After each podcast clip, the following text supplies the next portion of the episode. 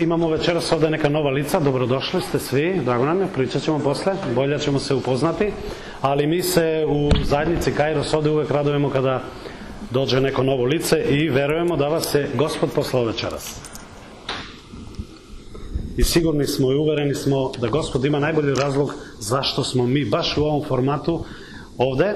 A, naša želja jeste da svi vi iskusite Boga na način na koji je On намерио за вас вечерас. И ми ćemo данас наставити и погледат ćemo живот познаток Ноја. И сигурен сум да ќе нас Господ вечерас поучити кроз негов живот и кроз негов пример. И на крају, као и увек, угледат ćemo се на самог Бога, Господа Исуса Христа, кој ускоро долази. Дали сте били некада у животу, у некој ситуација, ви сада размишлете добро, верувам да ќете, да ќете се сетите. Например, Ja ću vam dati jedan moj primer, a vi ćete se setiti nekog vašeg. Sedmi, osmi razred sam bio u školi i obično smo imali kao razred, ostajali smo, sedmi čas je bio, geografija smo imali. Prazna škola, nigde nikog, zima, valjda pola sedam, negde šest i nešto počinje taj čas. Ovo je za vreme bivše Jugoslavije. Davno je bilo. Ali, poslednji čas prazna škola i sad mi, umorni, počnemo malo da, da ludimo u razredu. Posebno dečaci, mi momci, ja sam bio verovatno i predvodnik nekih tih ludorija, I mi počnemo da gasimo, gasimo svetlo u učionici, pošto je mrak napolje, a škola je prazna, nema nikog, samo nastavnik geografije i ove te, tetice, tet, što čiste, neka od njih koja će ostati na kraju da počisti. I mi sad, ludi momci, počnemo da gasimo svetlo i jurimo devojčice u razredu.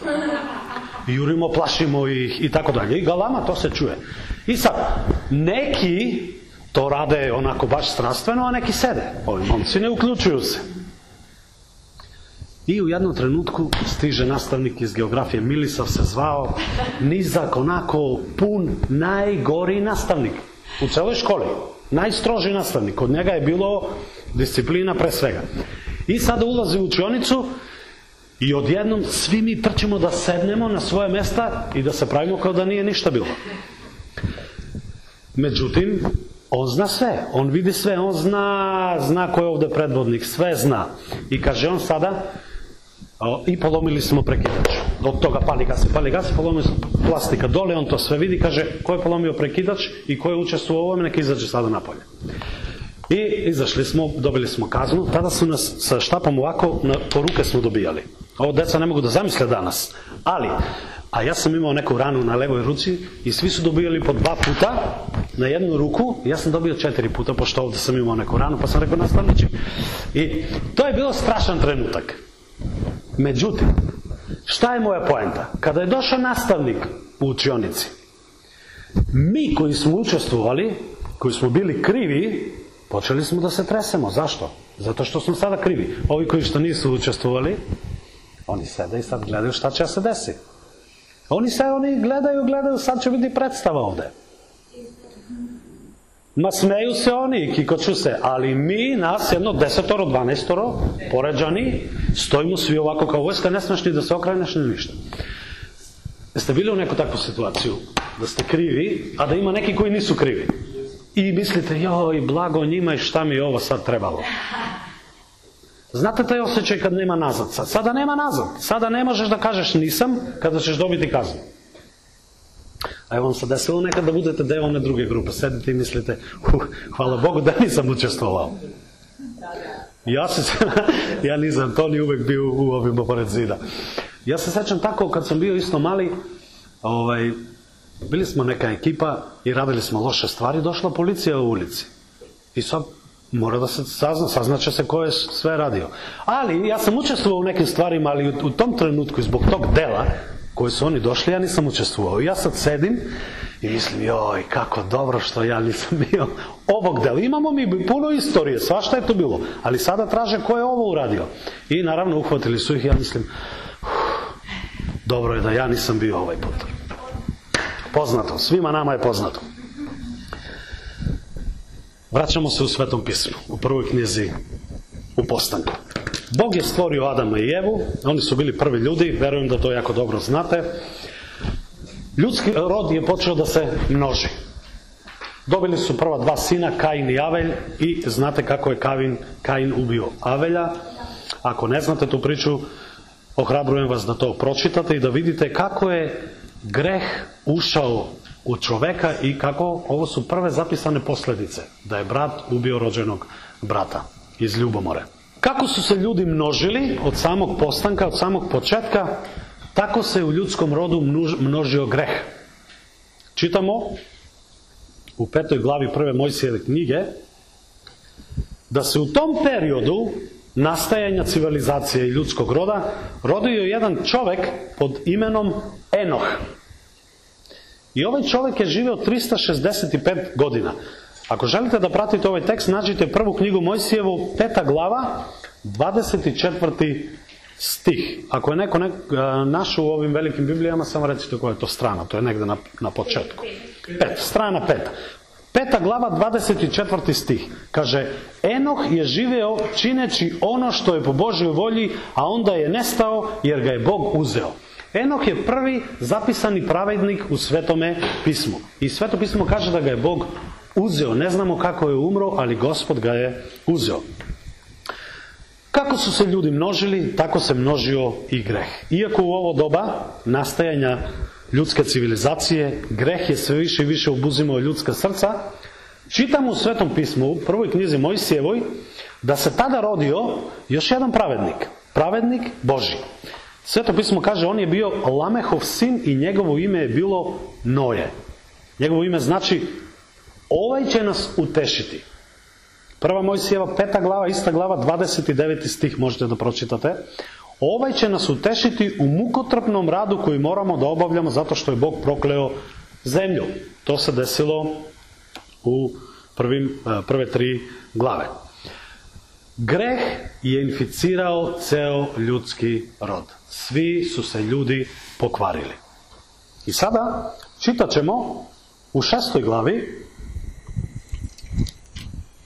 od prvog stiha, Božja reč kad, kaže ovako, u stvari čitat ćemo od petog stiha, nema, ne moram ovo, Videći koliko je čovekova izopačenost na zemlji i da su sve čovekove misli stalno okrenute samo zlu, gospod zažali što je načinio čoveka na zemlji i ražalosti se. Zato reče, izbrisat ću sa lica zemlje ljudski rod koji sam stvorio. Zatrču ljude i životinje, stvorenja koja gmižu po tlu i ptice, jer sam zažalio što sam ih stvorio. Bog, stvoritelj svega, koji je načinio sve dobro, se pokajao što je stvorio ljudski rod, zato što su, su se ljudi toliko iskvarili. Čitajte osmisti, kaže Ali Noje nađe milost u gospodnim očima.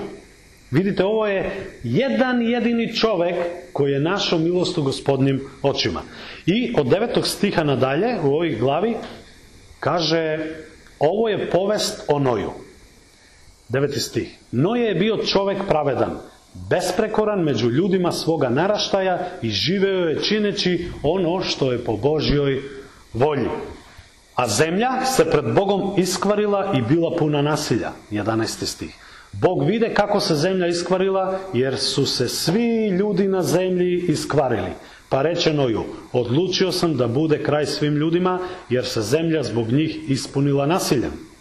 Evo, uništit ću ih zajedno sa zemljom. Zato sagradi sebi lađu od goferovog drveta i u njoj pregrade, a spolja iznutra je oblepi smolom. Ceo ljudski rod je bio iskvaren, Noje je bio jedan jedini pravedan čovek kome se Bog smilovao. Bog mu je naredio da izgradi arku, ja neću da objašnjavam, siguran sam da znate, napravio onu poznatu arku, onaj brod, Bog mu je naredio da uzme od, sva, od a, a, svih životinja po jedan par, od nekih malo više parova i tako dalje, i da uzme deo svoje porodice. Još sedmoru njih da povede u, ovaj, u ovu arku. Posle određeno vreme, posle mnogo, mnogo godina, on je gradio ovu arku, gospod je poslao potop, ceo ljudski rud je bio uništen. Noe je bio jedini koji je bio spašen sa svojom porodicom. Bog kaže Noji u sedmoj glavi u prvom stihu uđi u lađu ti i sva tvoja porodica jer sam video da si jedino ti predamnom pravedan u ovom naraštaju.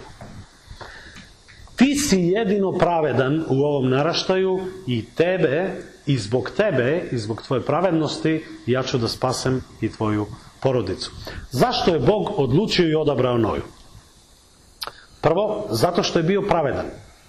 Šta znači biti pravedan? Sad, sad malo pre smo pročitali da su svi ljudi grešni i u poslanici Rimljanima apostol Pavle kaže da smo svi mi grešni i grešnici. Ali šta znači biti pravedan? Pravedan čovek je onaj koji je opravdan u Božim očima. U našem slučaju radi Isusa Hrista. Samo tako možemo da budemo pravedni. Mi ne možemo da postignemo našu pravednost našim naporom, našom snagom, našim znanjem. Pravedan je čovek onaj koji je opravdan u Božim očima. Pitanje je, da li si ti opravdan u Božim očima kroz Isusa Hrista i da li Bog može da kaže za tebe evo ovaj Saško dole je moj pravednik. Nije jedini, ima mnogo takvih širom sveta, ali on je jedan od njih.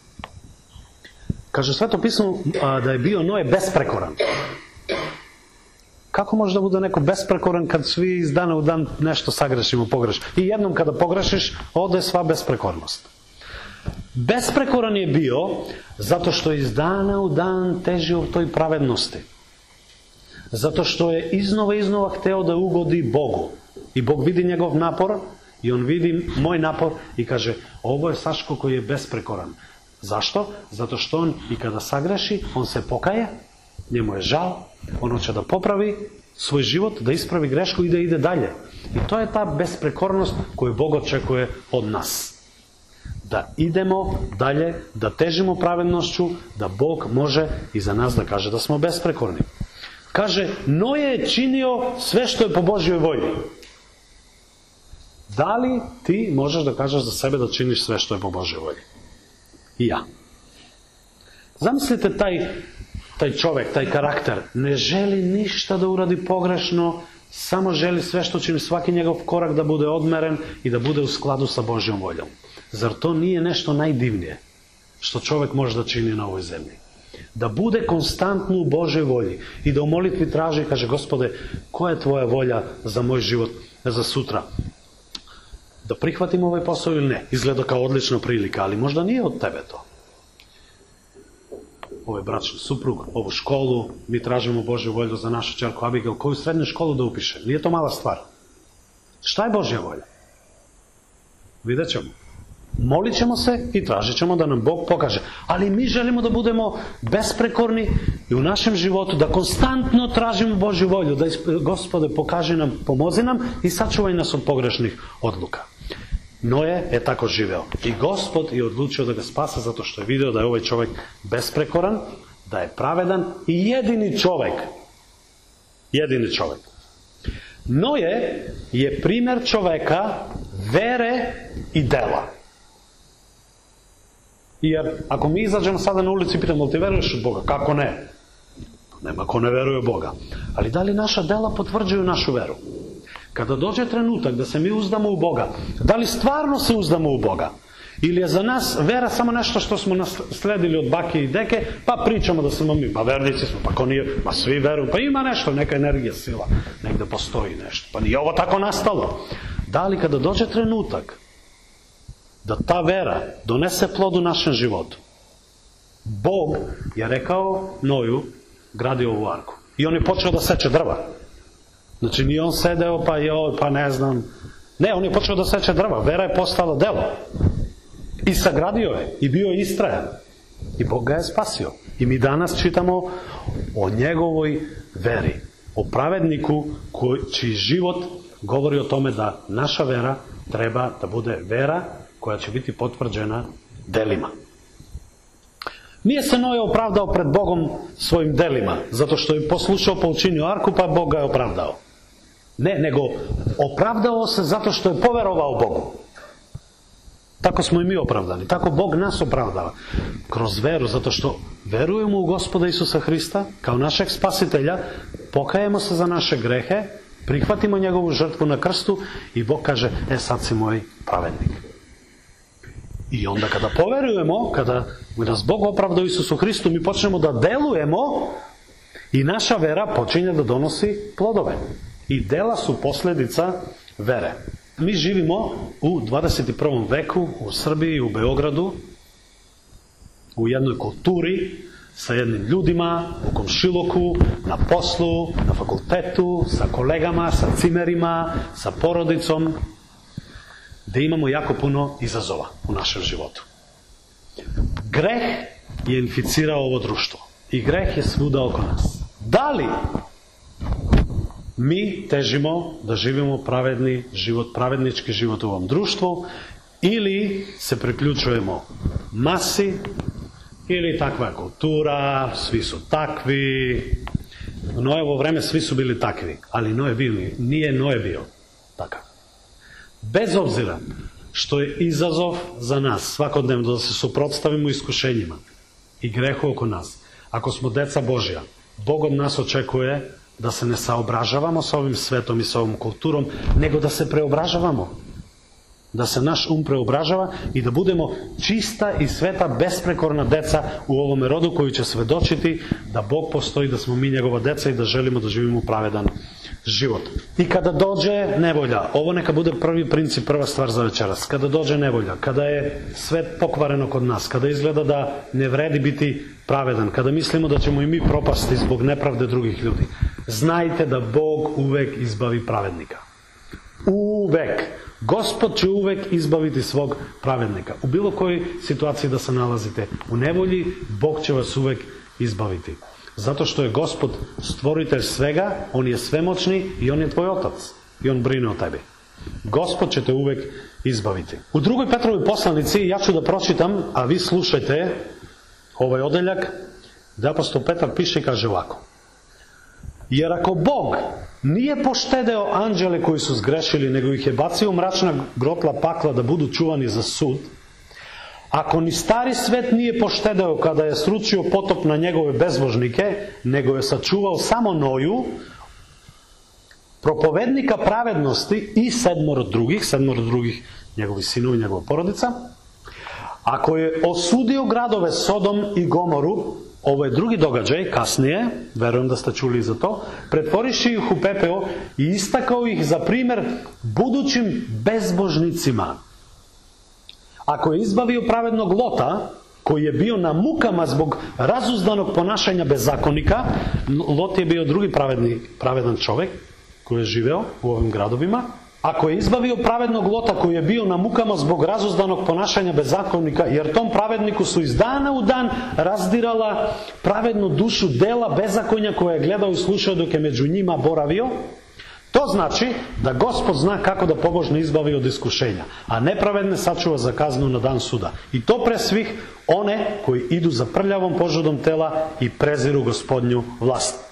Ako je Bog, apostol Petar kaže, tada izbavio Noju iz, tog, iz opačenog roda, izbavio Lota, kada je odlučio da uništi Sodomu i Gomoru, je toliko bilo, toliko strašan život je bio tih ljudi, Bog će izbaviti i tebe i mene danas, ako se nađemo u situaciju kao što su se našli oni. A mi svakodnevno živimo u svetu gde je greh svuda oko nas. Kada je Noe sagradio arku, barku, kovčeg, različita imena se koriste, kaže sveto pismo u 7. glavi 16. stihu, tada gospod za njim zatvori vrata. Bog je taj koji je odlučio kada je kraj. E sada je kraj. On je rekao ti gradi brod i u jednom trenutku kada je on sagradio sve, ušli su svi i došao je trenutak da je Bog zatvorio vrata. Za ljude koji nisu verovali Bogu je bilo kasno. Doći će trenutak, svetopismo kaže, kada će biti kasno za ljude koji danas ne veruju Bogu. Ljudi će se danas protiviti Bogu i postaće toliko zli i jesu zli i protive se Bogu i negiraju njegovo postojanje, da će izgubiti svaku želju za pravednost i da ugode Bogu. Jer kada um konstantno živi nepravednički život i, i živi u zlu i konstantno negira Boga, on više nema kapacitet da prepozna šta je dobro, šta je loše. Kada je Bog spasio Noju i njegovu porodicu, on im je dao i obećanje da nikada više neće potopiti zemlju vodom. I tada je dao dugu kao znak da kada vidimo dugu znamo da Bog nikada više neće potopiti zemlju i nikada neće uništiti ljudski rod kao što je to učinio. I jel, verujete u to obećanje? Da Bog nikada više to neće učiniti. Mi verujemo u obećanju koje je Gospod dao. On je rekao, rekao nikada više. Bilo mu je žao, uništio ih je, nastavio ljudski rod, da se množi kroz noj njegove porodice, Bog je rekao, ovo više nikada neće učiniti. Međutim, ako verujemo u to obećanje da Bog nikada više neće to učiniti, Bog je dao i drugo obećanje. On je rekao da će sledeće uništenje biti ognom. I to je obećanje koje je Gospod dao u Novom Zavetu. Sin čoveči, Gospod Isus Hrist, Bog stvoritelj neba i zemlje će ponovo doći na zemlju. Ako verujemo obećanja koje je Gospod dao u prošlosti, treba da verujemo i za obećanja koje je Gospod dao koje će se ispuniti u budućnosti. Apostol Matej ovako je zapisao kako će izgledati ta budućnost kada će se sin čoveči vratiti. I ovo je upozorenje za sve nas. Matej 24. glava od 29. stiha kaže A odmah posle nevolje tih dana sunce, sunce će potamneti i mesec više neće sjati. I onda ljudi kada vide pomračenje meseca kažu kraj. Nije kraj. Niko ne zna kad će biti kraj. Pročitat ćemo i o tome. Mesec više neće sjati, padaće zvezda sa neba i nebeske sile bit će uzdrmane. Tada će se na nebu pojaviti znak Sina čovečijega. Zakukat će tada sva zemaljska plemena i vidjet će Sina čovečijega kako dolazi na nebeskim oblacima sa silom i velikom slavom. On će poslati svoje anđele sa gromoglasnom trubom i oni će skupiti njegove izabrane sa sve četiri strane sveta. S jednog kraja neba do drugog. A od smokve naučite ovo. Čim joj grane omekšaju i olistaju, znate da je leto blizu. Tako, kad sve ovo vidite, znajte da je blizu pred vratima. Istinu vam kažem, ovaj naraštaj neće proći dok se sve ovo ne dogodi. Nebo i zemlja će proći, ali moje reči neće proći. Ako je Gospod rekao da će ovako biti, bit će. Prijatelji, braćo i sestre. Gospod dolazi i dolazi na veličanstven način. I on će doći kao sudija celome svetu. Ovo je zastrašujuće i ohrabrujuće.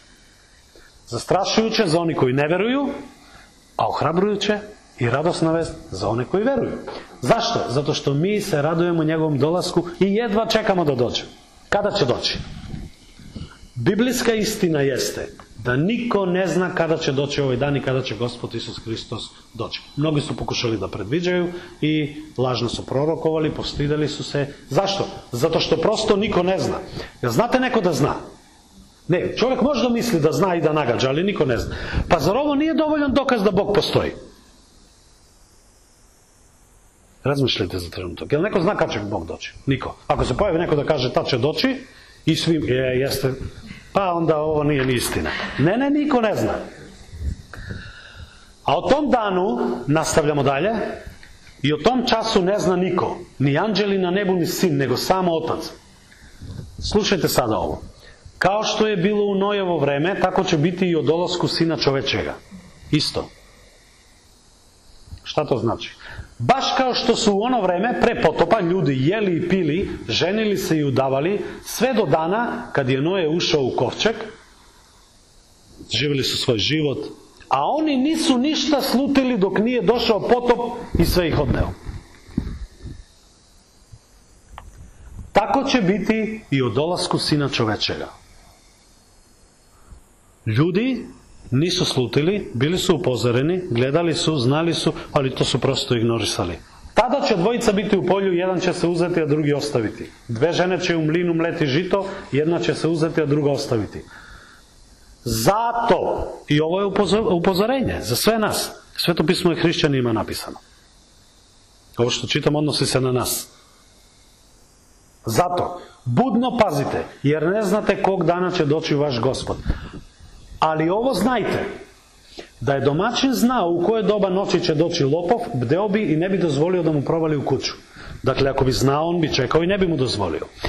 A, ako bi znali kada će gospod doći, mi živimo život, bit će to 2028. 6. jun, do tada udri brigu na sekuraciju, žurka živi i dođe dan, opa, imam dva, još dva minuta, e, gospode, oprosti sada meni za sve, evo me sve, sad te čekam, sad dođi uzmi me. Ne, ne, ne. Nije tako, neće biti tako. Nego doći će gospod iznenada. Šta to znači? da mi moramo da budemo spremni u svakom trenutku, jer možda dođe sada dok ja izgovaram ovu rečenicu. Sada. Za nekoliko minuta, za nekoliko sekundi, za nekoliko sati i mi ne znamo. Ali da li smo spremni za njegov dolazak? Zato i vi. 44 стих каже, зато и ви будете спремни, јер син човечи ќе дочи у часу кој га не очекујете. Матеево Евангелие 24 глава 44 стих. Зато и ви будете спремни. Апостол Петр вако е записал од дану Господнем кој долази. Драги мои, ово е веќе друга посланица која вам пишем. И у едној и у другој вас podsjećanjem podstičem na zdravo razmišljanje i želim da se setite reči koje su u prošlosti izrekli sveti proroci i zapovesti gospoda i spasitelja koje su vam preneli vaši apostoli. Pre svega znajte ovo, u poslednje dane doći će rugaoci koji će se rugati i ići za svojim požitama. Svuda su oko nas ovakvi rugaoci. I govoriti, evo šta će oni da govori. Šta je s obećanjem u njegovom dolasku? Otkad su pravoci pomrli, sve je isto od postanka sveta. To ljudi kažu da ne, doći, sto puta dolazi, taj, hajde više neka dođi, dosta mi je. Ne može da bude gore u Srbiji, neka bude god, što god da se desi. Rugaju se ljudi na svoju propast. Kaže peti stih, jer oni namerno zaboravljaju. Znate kad neko hoće da bude protiv Boga, odluči za iz inatu, tako za inat, možda zbog Saška, zato što je on vernik, pa ja ću da se da pričam nebuloze i kako Bog ne postoji. Kaže, namerno zaboravljaju da nebesa postoje odavno i da je zemlja nastala Božjom rečju, rečju i vode i kroz vodu. Tom vodom je i potopljen uniš, i uništen tadašnji svet. A tom istom rečju su sadašnja nebesa i zemlja spremljeni za oganj, čuvaju se za dan suda i propasti bezbožnih ljudi. Isti taj Bog koji je učinio sve to tada, isto će učiniti ovo što je obećao u budućnosti. Kako je tada potopio? Rekao da će da potopi, potopio ceo svet. On kaže da će doći i uništiti bezbožnike, isto će to da se desi. Mi smo sada u tom jednom periodu, periodu u istoriji čovečanstva u ljudskom rodu, gde živimo u Božje milosti. I Bog nam pokazuje milost iz dana u dan. Da se izmirimo sa njim, da se popravimo, da se pokajemo i da se pripremimo za njegov dolazak. Ljudi se rugaju oko nas i žele da i nas obeshrabre, da, da omalovaže našu veru, ako je moguće da nas skroz obeshrabre i da verujemo u Boga. Ali sveto pismo i o njima govori, rekao je mnogo ranije, bit će takvih rugaoca. I to znajte. I kada vidite da se nego ruga, ruga ismeva Boga, to je zapisano u Svetom pismu. I to na neki način potvrđuje sve ostalo. I oni kažu, ajde više kad će doći, neka dođe više jedno. Ali ne zaboravite, jedno, dragi moji, kod gospoda je jedan dan kao hiljadu godina, a hiljadu godina kao jedan dan. Kategorija vreme je naša kategorija. Bog prebiva u večnosti. To ne možemo niti da razumemo, niti da objasnimo. Niti ja imam kapacitet to da shvatim. Jedan dan je kao hiljadu godina, za njega hiljadu godina se kao jedan dan.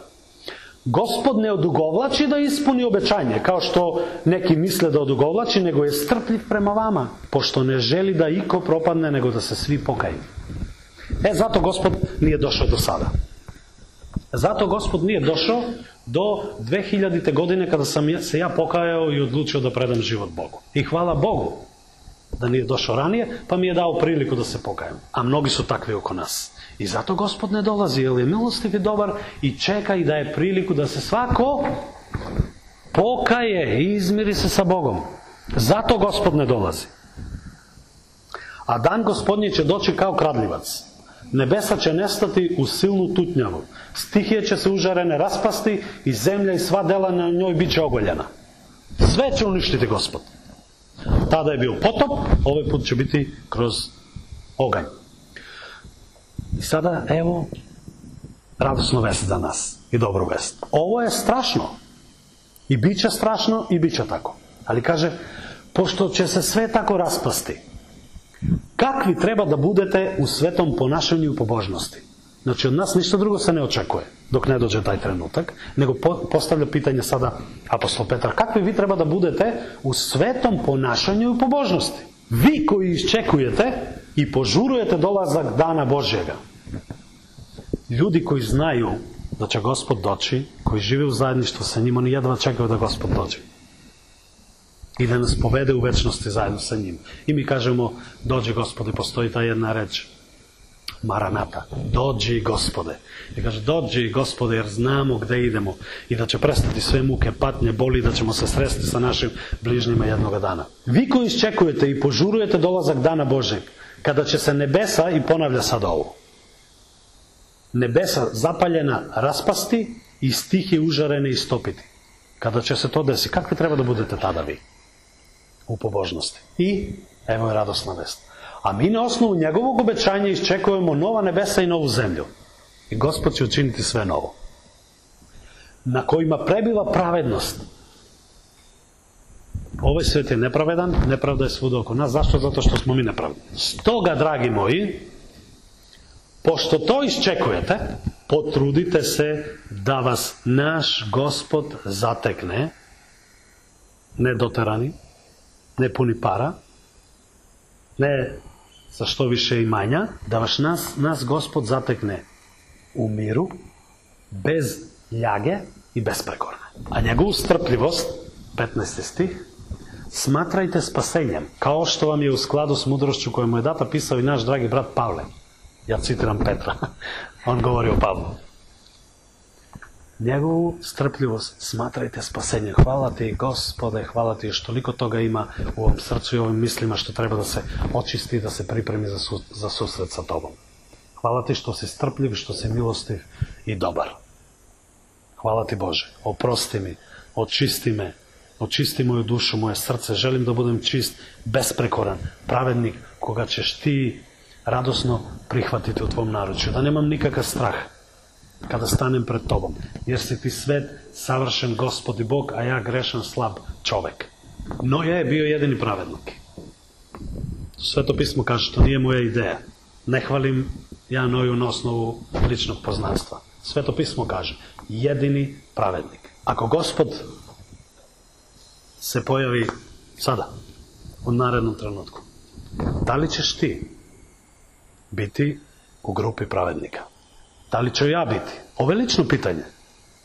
Odgovor neka ostane u vašem srcu između vas i Boga. I nikome ne dugujete taj odgovor. Jer na kraju mi svi odgovaramo Bogu. Ali mi ovde u zajednici sveto, sveto pismo shvatamo ozbiljno. Ово е жива реч, ово не е теорија. Ово е пракса која е овде записана. Бог жели да се измиримо со ним, да се покаемо за наше грехе и да започнемо нови живото заедништво со ним. Да би када Господ дошао, а дочи ќе ускоро, нашао нас као што е нашао нови. Праведне, безпрекорне, без лјаге и мане и умиру. Умиру со људима, ali pre svega u miru sa Bogom. Ja sam vam dao onaj jedan moj primjer na početku, sećate se iz škole, bilo je to davno i to je sad samo neka bleda slika, ali taj osjećaj, taj osjećaj kada ste bili sa ovim krivim ljudima, nije to lako, to iščekivanje kazne. Ne to bilo lako. Stajao sam i, i, i kod direktora ispred kancelarije. Samo da tata ne sazna nekako. Ali sazna on uvek i mama i svi. Ali taj trenutak čekanja da uđem i da me svi gledaju, jo, evo ga opet tamo, evo ga. Ovo će biti još strašnije i još gore. I još sramnije. Ako nismo se izmirili sa Bogom i ako nismo u pravom odnosu sa njim. Moja želja, naša želja, naša zajednička želja na osnovu Svetog pisma jeste da budemo pravednici Boži, da nemamo nikakav strah, a strah će otići kada se izmirimo sa Bogom i kada predamo naše živote Bogu. Sagnemo naše glave da se pomolimo. Gospode Isuse Hriste, Ti ćeš doći. Ja te molim, Gospode, da očistiš moje srce, da očistiš moje misli, da me očistiš od svakog greha, Gospode, od svake prljavštine i od svega što nije tebi ugodno. Oduzmi, Gospode, otkloni, jer ja želim da budem čisti svet, da budem tvoj pravednik, besprekoran, Gospode, ali samo krv Isusa Hrista može da me očisti, Gospode. I ja verujem da ti to možeš da učiniš. Molim se za moju braću i sestre i za prijatelje koji su prisutni ovde večeras, da ih ti očistiš, gospode, od svakog greha, od svake mane, od svake nečistoće, da im pomogneš da se pokaju, da se izmire sa tobom i da postanu deca tvoja, ako nisu. Ako jesu, da nam pomogneš da ohrabrimo jedni druge na svetost, gospode, u ovom izopačenom rodu, u ovom svetu, u ovoj kulturi gde se svakodnevno, gospode, gazi Tvoje ime, mi želimo da budemo čisti, sveti pravednici i Tebi ugodni. Pomozi nam, gospode. Budi sa nama, daj nam snagu i silu kroz svetoga duha, ti nas vodi, ti nas čisti i ti nas pripremaj za susret sa Tobom. Mi ne želimo da se posramotimo, mi ne želimo večno da ispaštamo, gospode, nego želimo da prebivamo u večnom zajedništvu sa Tobom. U novom svetu koji će ti stvoriti, gospode. A do tada, molimo te, čuvaj nas, naše duše, štiti nas i vodi nas da volimo jedni druge i da budemo na blagoslov jedni drugima. Hvala ti za moju braću i sestre koji su prisutne večeras i pomozi nam da budemo jedni drugima na blagoslov. Molim te, gospode, u ime Oca, Sina i Svetoga Duha. Amin.